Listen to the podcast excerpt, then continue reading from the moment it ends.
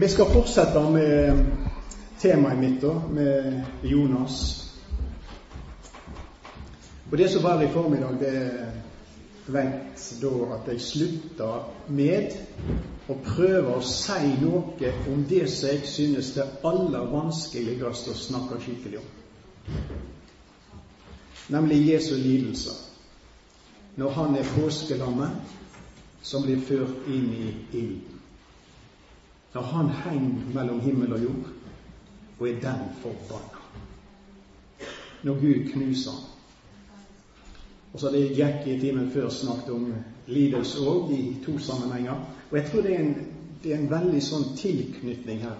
Skal jeg bli villig å li for Jesus, så tror jeg det er veldig viktig at jeg ser at han har lidd for meg. Og så blir vi aldri ferdig med det. Men jeg har en følelse av at i dag så trenger Guds folk å gå mer på Golgata enn de har vært på lenge. Det er den mest hjertevarmende plassen jeg vet om. Og Når du skal forandre en Jonas og få til å bli Paulus, så tror jeg Golgata er plassen. Og Nå har vi hørt mye om Paulus, og han er en kontrast for meg til Jonas. Det er jo litt artig. Han, han skulle til Spania, så hvis, hvis nå Tarsis er i Spania, da så hadde jeg jo faktisk eh, kurs mot Spania begge de to. Begge kom i storm. Men det er jo så forskjellig, sant? Så enormt forskjellig, samtidig som det er parallell. Far i himmelen, nå ber jeg om at Amedelie sammen òg i kveld kunne bli til ære for ditt navn. Jeg ber om tjenestenåde for Jesus skyld. Amen. Kall på meg den dagen du er i nød, så vil jeg fri deg ut, og du skal prise meg. Jeg lurer på Jeg antar at Jonas hadde hørt den salmen, kunne den. I alle fall så er det det han praktiserer. Når han er i denne fisken, så roper han til Gud. Han ber, og Gud utfører. Og Nå går vi inn i Jonas 2, og så starter vi i kveld i vers 11. Da talte Herren til fisken jeg sa i formiddag at da jeg var liten, så het det hval. Men altså den her fisken Herren talte til fisken. Jeg lurer på hva språk han prekte. Han kan sikkert hvalspråket òg. Iallfall skjønte fisken. Og han er mye bedre enn Jonas, for han lyver. Han talte til fisken, og han spydde Jonas opp på tørt land. Vet du hva det er? Det er sånn som jeg kaller for et kontrollert oppkast. Han spyr Jonas opp på et tørt land. Og da skulle jeg likt å igjen hatt en liten video. Sett han fyren da, som kom ut ifra denne hvalen eller denne fisken etter tre døgn.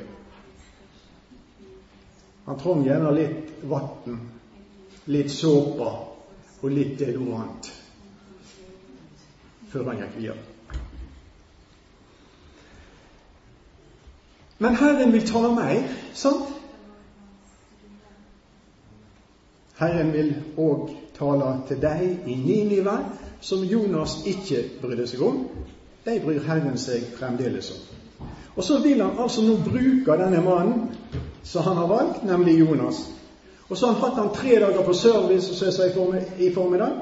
Han har hatt han tre dager på spesialskole for ulydige sendebud. Og så har nei-tjeneren blitt til Ja-kjennom Nei-profeten har blitt en ja-profet. Det er et mirakel. Og Det kom for meg et ord i dag som jeg tror jeg må lese i Jesaja 1,25. Og jeg leste ordet med tanke på Jonas, og så var det liksom det kom en sånn fornemmelse for meg i dag. Kanskje en i den forsamlingen i kveld òg skal få en spesiell hilsen nå ifra himmelen. Herren kjenner oss. Herren vet om oss. Herren kjenner deg. Jesaja 1,25. Og det er dette Jonas erfarer, og det er dette vi erfarer, og det er dette du kan erfare i kveld. Jeg vil atter ta meg av deg. Jeg vil smelte ut slagget ditt liksom med lutsalt og skilje ut alt ditt bly til behandling hos Gud. Og ordet sier det er ikke første gangen. Sant? Jeg vil igjen og igjen og igjen og igjen. Kjenner du det? Så er det kanskje noen her inne i kveld som veit jeg trenger det.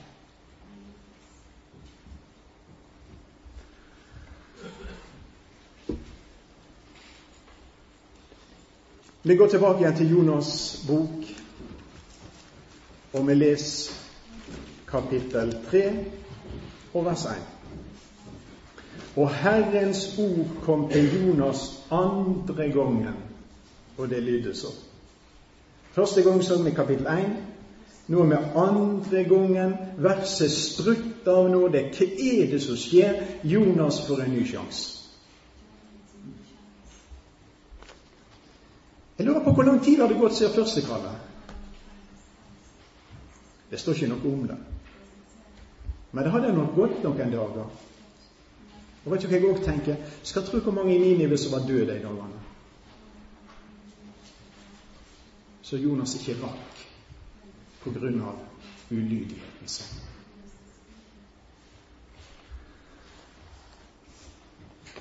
Nå får han et nytt kall. Oppdraget er det samme som forrige gang. Det er samme plassen han skal til. Det er samme folkene. De har ikke blitt et hakk bedre. Eh, det var legendarisk med disse snakka om, om folkene i Ninive så brutale, forferdelige folk. Det er de samme folkene han skal. Men nå er profeten hans. Han er nyreparert. Og så har han en enorm fersk erfaring, og det er at Gud, han kan alt.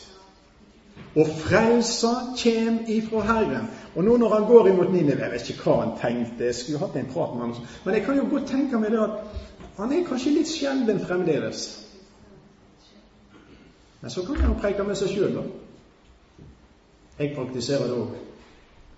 Jeg anbefaler Guds folk til å gjøre det. David gjorde det. Si til min sjel. Jeg sier til min sjel du, du, du, trenger ikke preke så høyt at det ikke må hente deg. Men du kan godt snakke med deg sjøl. Sånn. Og så kunne Jonas nå til denne forferdelige byen med disse eh, torturistene og ekstremistene. Ok, Herren har frelst meg fra en kval.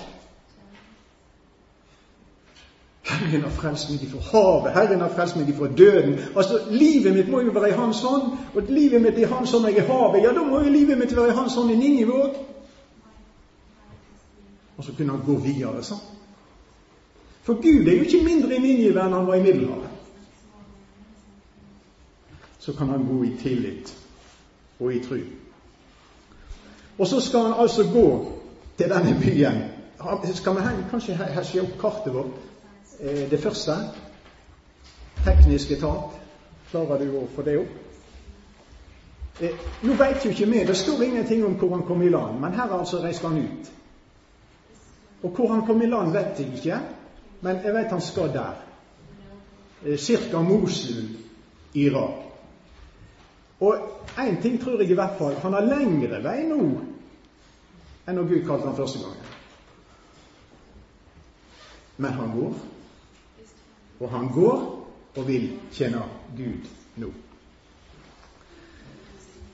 Og nå har han jo ei kjempefiskehistorie med ofte.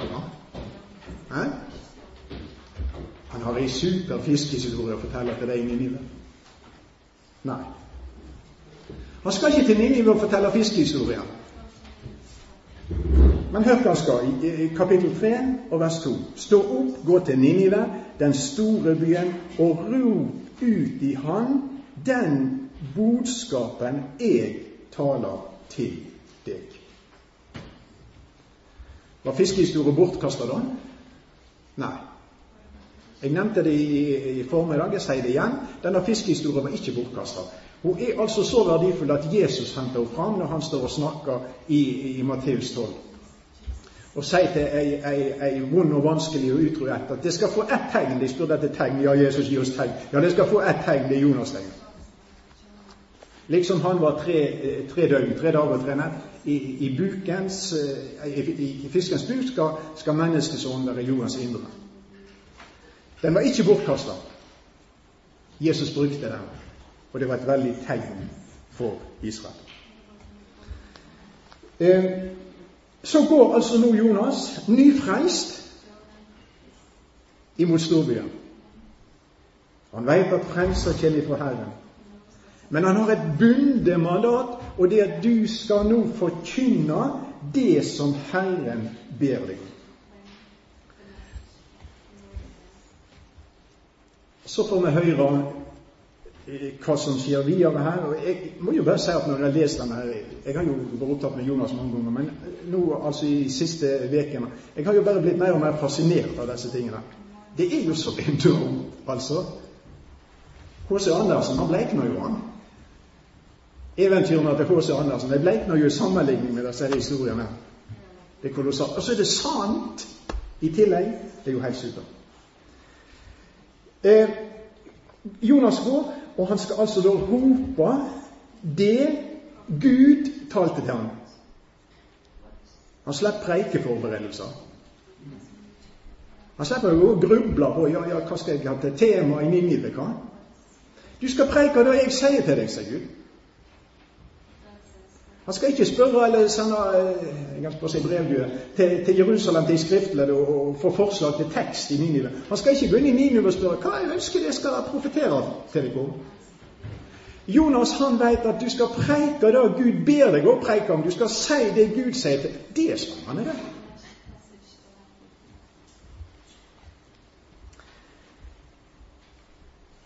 Så står det det at Jonas, vers vers 4 eh, ja, Og Jonas sto opp, gikk til Ninive eh, som Herren hadde sagt. Ninive var en stor by for Gud, tre dagsreiser. Jonas gikk ei dagsreise inn i byen og ropa.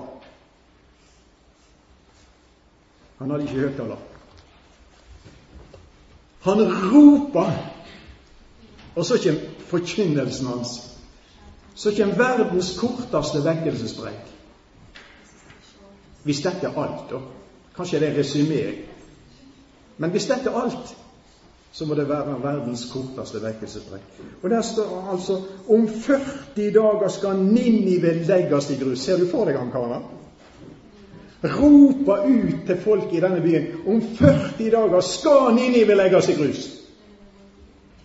Og det er ikke noe om og men, altså. Dette skal skje. Og profeten ser ut som han er overbevist om at dette kommer til å skje i denne sammenhengen. Ei ualminnelig kort preik. Og så blir det ei helt ualminnelig stor vekking. Det er ingen team som er i sving.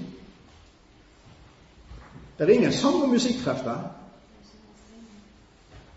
Det er ingen matservering. Han kunne jo servert fiskesupper. Eller hvalkjøtt. Det er bare én mann som sier til folk det Gud ber ham om å si.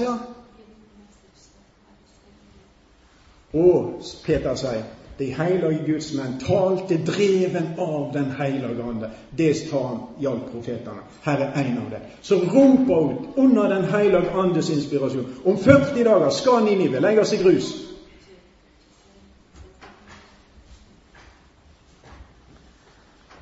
Det er dom.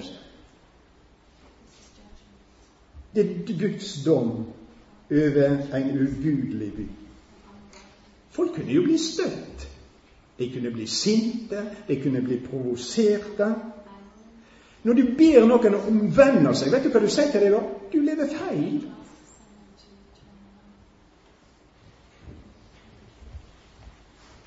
Hver eneste gang det lyder 'omvend deg til et menneske', så ligger det i den forkynnelsen 'du lever galt'.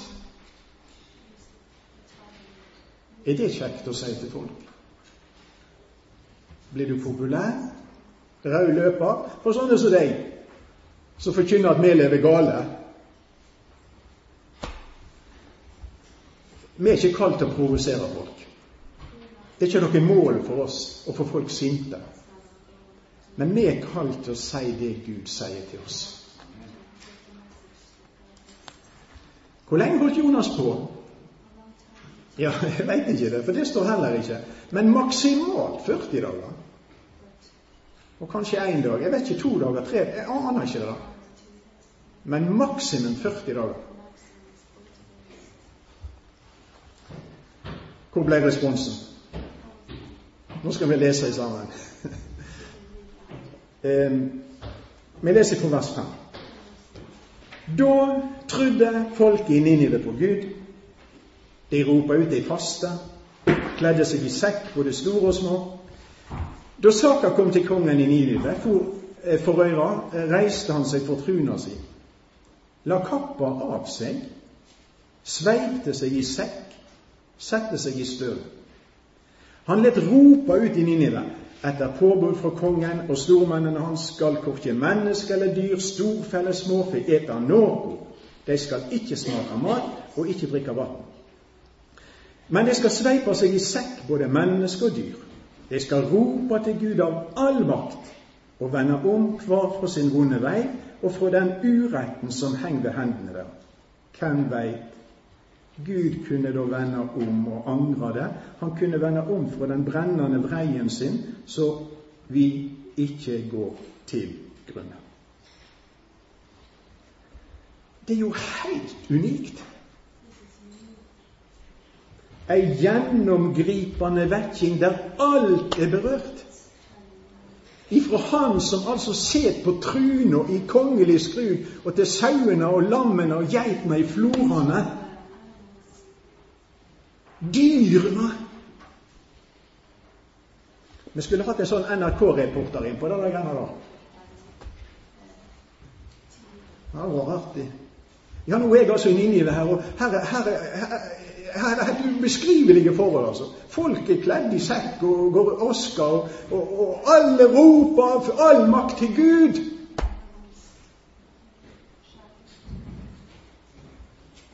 Kanskje en verdensby på 600 000.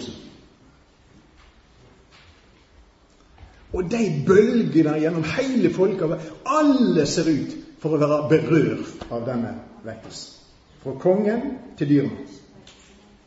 Altså, de ja, Det går jo ikke an å sammenligne, da, men ekstrasending på NRK, altså. Og Jens Stoltenberg frampå, kongen frampå. Nå, folkens, nå må vi omvende oss hele nasjonen. Regjeringen på kne i Stortinget. Å, Gud i himmelen, forbarme oss.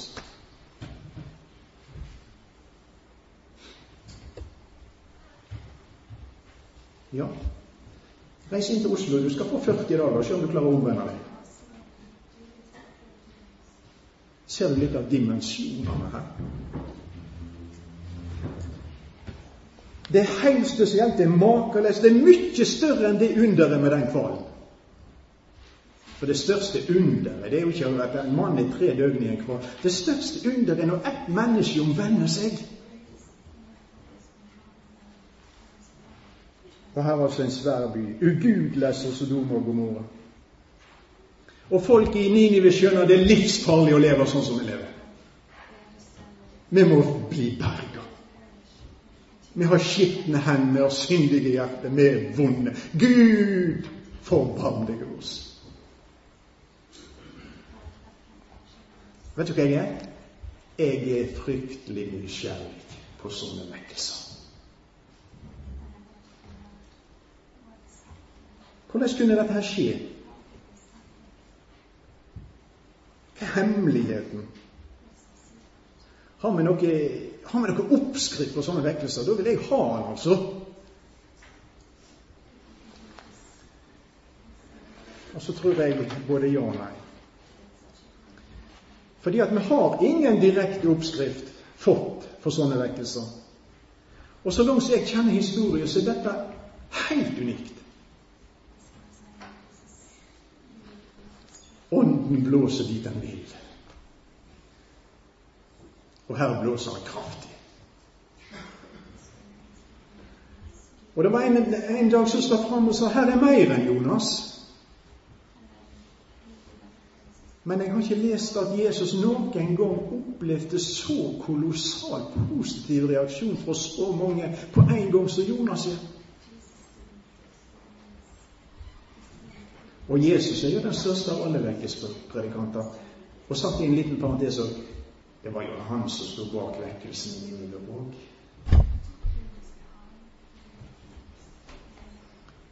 Men vi snakket her en kveld eh, om Noah. Ja. 120 år. Og jeg oppfatter Noah som en mye mer skikkelig predikant enn Jonas. Var det 600 000 han fikk med seg? Han fikk sju.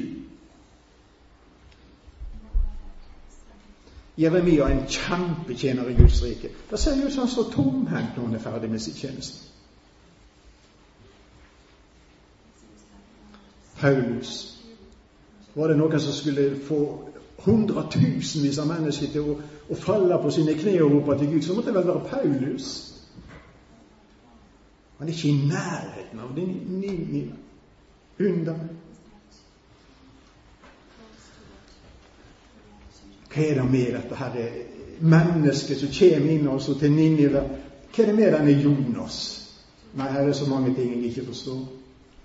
Men det er sagt noe i denne beretningen som jeg dermed understreker. Og det, for det første, det er jo det at dette redskapet i alle fall det renser, det former, det er sendt av Herren. Jonas er Guds mann.